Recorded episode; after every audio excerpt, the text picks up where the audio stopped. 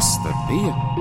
Par to, kas bija tad un kas ietekmēja 20. gadsimta norises un turpina ietekmēt mūsdienas. Kas tad bija?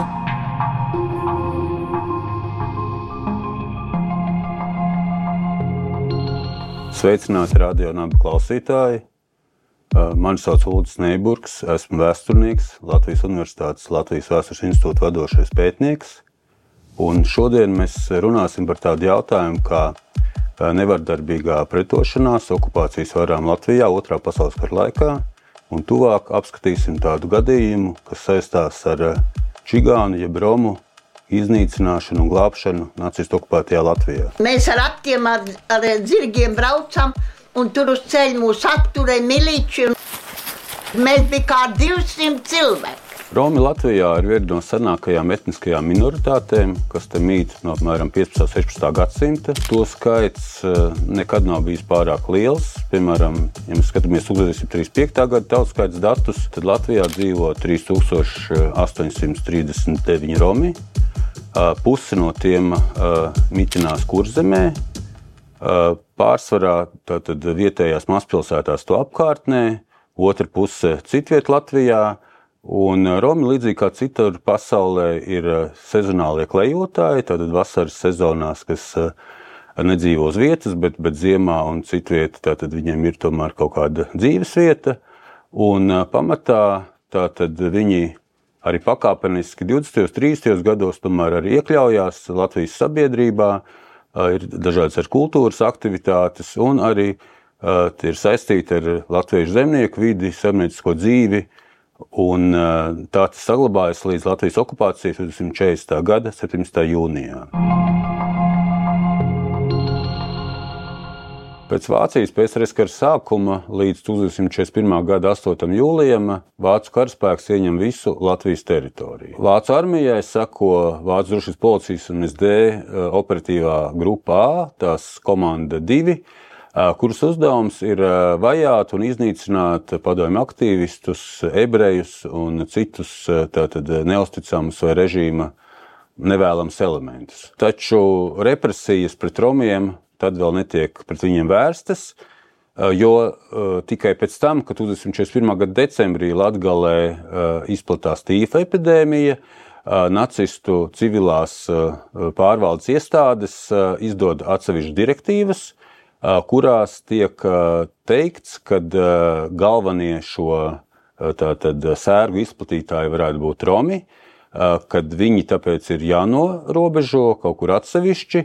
Turklāt viņi ir arī tādi, kas ir nepaklausīgi Vācu okupācijas varai un ir principā šī, šī režīma pretinieki. Pakāpeniski tā tad sākās šo Romu ierobežošana, piemēram, arī vietējās apriņķa un policijas uh, amatpersonas un iestādes saņem vācu SS un policijas vadītāja Latvijā norādījumus sapulcināt tātad Romus kopā, vienviet iesaistīt dažādos darbos, kas vēlāk arī atvieglo viņu tātad šo procesu, ka sāk uzsākt viņu iznīcināšanu. Romu slepkavošana Latvijā sākas pēc tam, kad Oslandes reizkomisārs Hinrichs Loze izdod direktīvu, kad Romi ir pielīdzināmi ebrejiem, tātad tie ir fiziski iznīcināmi. Un mēs zinām, ka laika posmā, piemēram, no 41. gada decembra līdz 42. gada janvāra vidum, represijas pamatā skar Romus Latgalē, Pirmie tiek nogalināti Romi Baltinovas pagastā, tāpat arī citur Ludus, Rēzeknes, Daugopils apriņķī. 42. gada pavasarī, vasarā Romu iznīcināšanas vilnis notiek zemgalē, kurzemē, kad tiek iznīcināti Bauskas, Jelgavas, Tukuma, Liepājas un Kultīgas Romi. Mazāk šīs represijas skara varbūt Romas vidzemē, kur iet bojā apmēram 100 cilvēki Rīgā un Valmierā. Līdzinējie pētījumi rāda, ka sava loma Romu iznīcināšanā vai glābšanā varēja būt arī vietējiem latviešu amatpersonām, pašvaldību vai policijas vadītājiem, kas varēja dažādi izprast vai dažādā veidā stingrāk vai netik stingri pildīt dažādas vācu direktīvas. Tā praksa bija apmēram tāda, un varbūt spilgtākie piemēri ir no vienas puses Bauskas apriņķī, kur, piemēram, 42. gada maijā apmēram 250 romu tika nogalināti pēc tam, kad viņi tika pārvietoti uz Ānmēmels mūžu. Skaiskalns pagastā Vācu drošības policija vienkārši informēja, ka šos romus ir jāsapulcina vienopus, kad tā, tad, tie tiks pārvietoti uz kādu citu nometni, darba nometni Ungārijā. Bet pastāv uzskats, ka īstenībā šie visi Romi nebija klejojošie Romi, pret kuriem bija jāvērš šīs represijas, bet tie bija tā saucamie vietsēži, jo neviens viņiem pirms, no viņiem pirms tam par klaiņošanu nebija ievietots darba nometnē. Pavisam citi gadījumi bija Tātad konstatējam, pieņemsim, Daugaupils apriņķī, par ko ļoti pretrunīgas ziņas, ja, kad ir ziņas gan, kad Romi gan tika iznīcināti, gan arī daļa izdzīvoja, bet ir pavisam skaidri zināms, ka vairāk simti talsu apriņķu Romi, tā skaitā arī iepriekš Romi, kas bija klejotāji bez īpašas dzīves vietas, tāpat arī Romi, kas bija no citiem kaimiņu apriņķiem meklējuši patvērumu talsos Sabilē, Kandavā, viņi tika arī palika dzīvi. Un lielā mērā tas bija tāpēc, ka vietējās amatpersonas iestājās par to, kad uh, mēģināja pārliecināt, un sekmīgi pārliecināja arī nacistu okupācijas pārvaldes iestādes, uh, ka šie cilvēki neko sliktu nav izdarījuši, bet viņi vairāk noderīgi būtu uh, tātad, darbos, kas arī saglabāja viņu dzīvības. Situācija tālu sapriņķi ir līdzīga kā citviet Latvijā, kad jau 2041. gada nogalē, jau rudenī, vietējās tātad, policijas amatpersonas saņem tālsu apriņķa vadības rīkojumu. Tātad vienopus nodarbināt visus romus, tāpat ir sakot dažādi mutiski rīkojumi no Vācijas drošības policijas puses, ka vajadzētu atrisināt tātad, šo vietējo Romu jautājumu. Taču mēs varam redzēt, ka Talsos, atšķirībā no citām vietām, cilvēki varbūt ir noskaņoti nu, nepiekrist šāda veida nu, noziedzīgām darbībām. Savā starpā pat sadarbojās, un mēs varam runāt par, tātad, par vietējās pašvaldības, baznīcas, policijas un citu amatpersonu vai individu iesaisti uh, tātad, Romu glābšanā. Tā rezultātā sakrīt situācija, ka no vienas puses 42. un 43. gadā nacisti pamazām nosvarās par labu idejai, kad ir Romi vairāk jāizmanto kā darba spēks, un vietējai situācijai, kad ir iespējas arī šos Romus nodarbināt darbā, piemēram, te pašā tāls apriņķī, tiek atrastas darba vietas, piemēram, Sabilas kartupeļu fabrikā, tāls lopkaltuvē, kokrūpniecības darbos, tātad dažādās vietās, tā skaitā Kandavas mācītāju muižā. Tāpat arī vietējās amatpersonas sekmē to, ka, piemēram, tukšie dzīvokļi, kur pirms tam dzīvoja 41. gada 14. jūnijā deportētie cilvēki, kas bija izsūtīti uz Sibīriju, tajās vietās varēja nometināt eh, romus, kuriem pirms tam nebija varbūt eh, nu, speciāls šīs dzīves vietas. Piemēram, ir zināms, ka jau 1941. gada septembrī uh, Sabiles uh, pilsētas policijas uh, priekšnieks Valdemārs Šetlers saņēma rīkojumu no tāls apriņu policijas vadības, kad viņam ir jāsapulcina kā 30 vīriešu tautības romi, kuriem jāliek doties uz mežu, kas tiek arī izdarīts, un viņi izrok 30 metrus garu un 2 metrus platu bedri. 5 km no pilsētas, Svences priedulājā. Nesaņemot tālākus rīkojumus šajā situācijā, Šetlers atbrīvo viņus mājās, kad viņi ir atgriezušies policijas iecirknī pēc šīs bedres izrakšanas. Un tad, kad viņš atkal pēc kāda laika saņem rīkojumus jau sapulcināt visus vietējos romus, kas eh, tātad bez dzimuma vecuma atšķirības, kas principā nozīmētu to iznīcināšanu, viņš šo rīkojumu nepilda. Eh, tātad atsaucoties uz to, ka tā pavēle ir sniegta tikai mutiski. Ja mēs runājam par baznīcas iesaisti, tad ir izdevies noskaidrot, ka arī Kandavas un Sabilas evaņģēlijas kluterisko draugu pārstāvi arī mācītāji Kārlis Zariņš un Rihards Zariņš ir aktīvi iesaistījušies šajās pārunās ar vāciešiem un sadarbībā ar pašvaldības vietējiem vadītājiem sekmējuši tātad Romu glābšanu no iznīcināšanas 42. gada pavasarī. Un labi zināms ir gadījums, ka 1942. gada jūlijā Talsos pie Pilskalna ierodās arhibīskaps Teodors Grīnbergs, kurš notur speciāli Romiem veltītu dievkalpojumu vai, vai, vai uzrunu. Un pirms tam viņš arī panāca ar to, lai tie, kas nav reģistrēti, lai tiktu reģistrēti konkrētās dzīves vai, vai darba vietās un iesaistīti darbā. Viena no galvenajām atslēgas personām, eh, kas eh, novērš to, ka Romi tiek iznīcināti, tāls apriņķi, ir tāls apriņķi vecākais Kārlis Krūmiņš, kurš kategoriski iebilst tātad, pret viņu nogalināšanu, un eh, tieši viņš spēlē galveno lomu Vācu okupācijas varas pārstāvju pārliecināšanā par šo Romu izdzīvošanas nepieciešamību.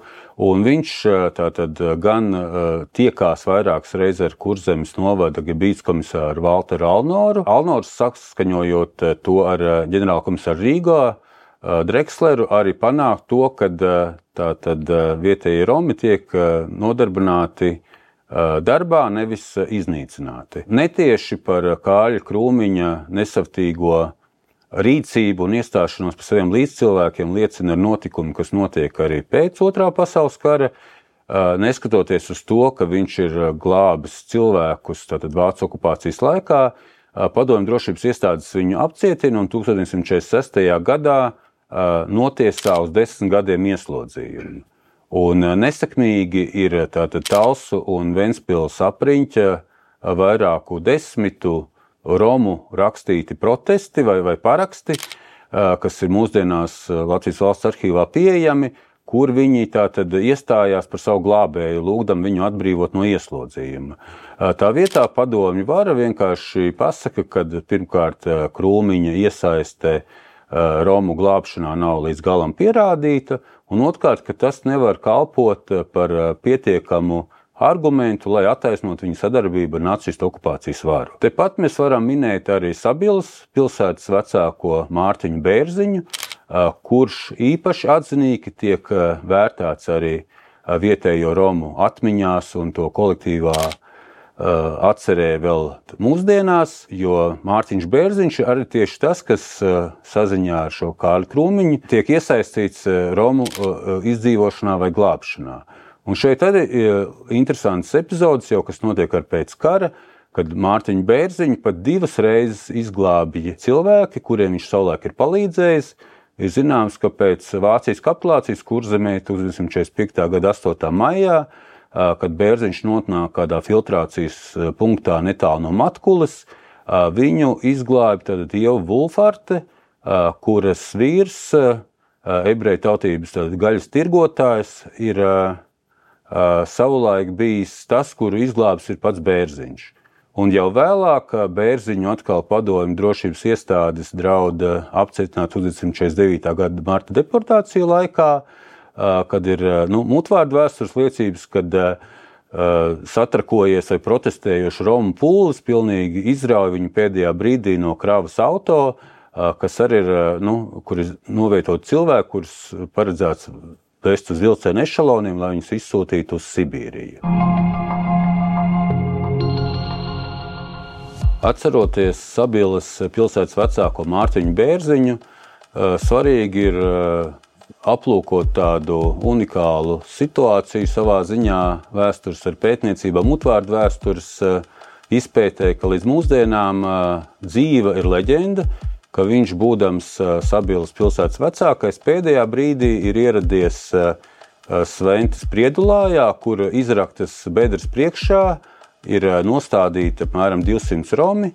Un uzrādīdams kādu dokumentu, kas ir atcēlis šo iespējamo nogalināšanas pavēli, ir izglābis viņu dzīvības. Sīkāk par šo leģendu mums pastāstīs šī raidieraksta viese Ieva Garda Rozenberga, Latvijas Universitātes Literatūras, Folkloras un Mākslas institūta vadošā pētniece. Stāstu par Romu brīnumaino izglābšanos es pirmo reizi dzirdēju 2013. gadā, kad mēs ar motorvēstures pētniekiem intervējām Kuldīgā Čigānus. Sākotnēji es šim stāstam nepievērsu nekādu uzmanību. Es pat teiktu, ka tas paslīdēja man garām, līdz es sāku rūpīgāk sekot līdzi Romu kopienas aktivitātēm. Un šobrīd es esmu sastapusi vismaz 15 šī stāstā variantus, un tie ir atrodami dažādos avotos. Iepazīstoties ar šiem variantiem, mēs redzam, ka tā pamatā ir sižets par Romu izglābšanu no nāves. Taču paralēli eksistē divas sižetiskās līnijas. Viena no tām tātad vēsta par to, ka Sabils pilsētas mērs nav parakstījis pavēli, un, un tāpēc nekāda notikuma vispār nav pat īsti sākušies. Savukārt otra ir dramatiskāka, un tā vēsta par to, ka Romi jau ir stāvējuši pašu izraktās bedres priekšā, līdz tad uz motocikla un dažos variantos uz velospēda vai pat uz zirga. Burtiski pēdējā brīdī bērziņš ir ieradies un plānoto nošaušanu apturējis. Salīdzinot avotus un iespējamos šos izžetiskos risinājumus, mēs redzam, ka stāstu par pavēles neparakstīšanu stāsta tieši acu liecinieki. Un to netieši vai varbūt arī tieši apstiprina arī šī Valdemāra Šetlera krimināla lieta, kur 49. gada 15. janvāra spriedumā ir minēts, ka pēc viņa pavēles šī bedra ir izrakta, bet īsti nekļūst skaidrs, kas, kas tad ir noticis tālāk. Savukārt, sižets par Mārtiņu Bērziņa ierašanos pēdējā brīdī uh, ir uzklausāms no vecākiem, vecākiem vai citiem radiniekiem. Tādas beigas likums raksta, ka mēs paši nevaram to vairs ciest. Zinu, ka paši priekš sevi jāraug bedru. Dziļāk roka, jums kājas nenulūs pašiem. Mēs ar attiem ar, ar zirgiem braucam, un tur uz ceļa mūs apturēja miliči. Mēs bijām kā 200 cilvēki sievas brēc un tie krīt, tie vecie krīt zeme un kā nu katrs tur. Brēc un kliedz bērni viss izņem ārā no to uh, rindu, tos vecākos trīs un aiziet uz mežu projām tālāk tai mežai. Mēs tā stāvam ar muguru pie to kantu, bedres kants. Nu, to šau zeme un mūs atlaidis viss. Teica, nu jūs šoreiz vēl būs glābt.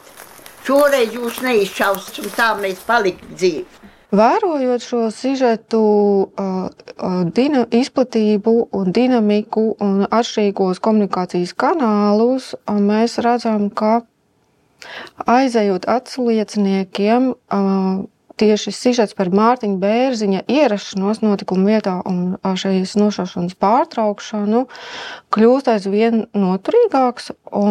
Šobrīd tiešām tiek izplatīts gan masu mēdījos, gan dažādos izstāžu materiālos, un populārzinātniskās un pat zinātniskās publikācijās. Pirmkārt, šo stāstu var uzlūkot par tādu kā pagātnes menedžmentu, kurš netiešā veidā apgāž kārtējo romantizēto priekšstatu par romiem kā cilvēkiem, kuri ir pilnīgi brīvi no savas pagātnes un vēstures un dzīvo tikai šodienai. Otra iespēja ir, ka šis stāsts kalpo kā liecība rīcības spējai. Un, un tas iespējams ir pat svarīgāk par pašu tā saturu.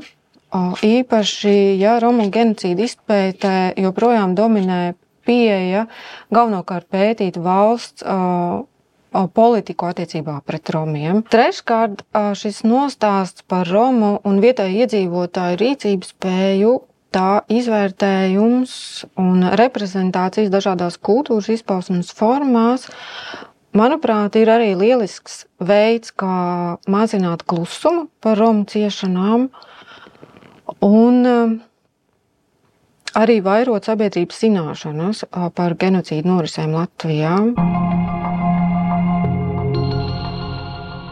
Ja mēs salīdzinām dažādas situācijas, kā jau minēju, piemēram, Talsu un Daugaupils apriņķos, un piemēram Bauskas apriņķī un citur, tad mēs varam redzēt, ka eh, vienlaikus eh, Latvijā šajā laikā varēja notikt eh, piemēram bezierunu kolaborācija vai sadarbība ar nacistiem, tātad pildot to pavēles.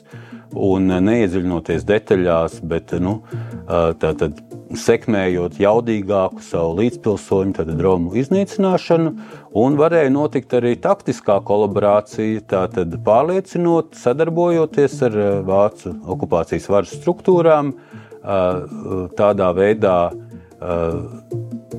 palīdzot saviem līdzcilvēkiem izdzīvot. Un to mēs varam vērtēt kā tādu nevardarbīgu, nepolitisku pretošanos, kas paplašina šo mūsu pretošanās varbūt ietvaru un liek runāt par tādām plašākām kategorijām, ne tikai politiskām kategorijām, bet arī cilvēciskām, morālām kategorijām, kas vienā vai otrā situācijā mudina mūs pieņemt lēmumus. Tātad šī gadījumā pretoties ļaunumam, pretoties noziegumiem un saglabāt cilvēcību.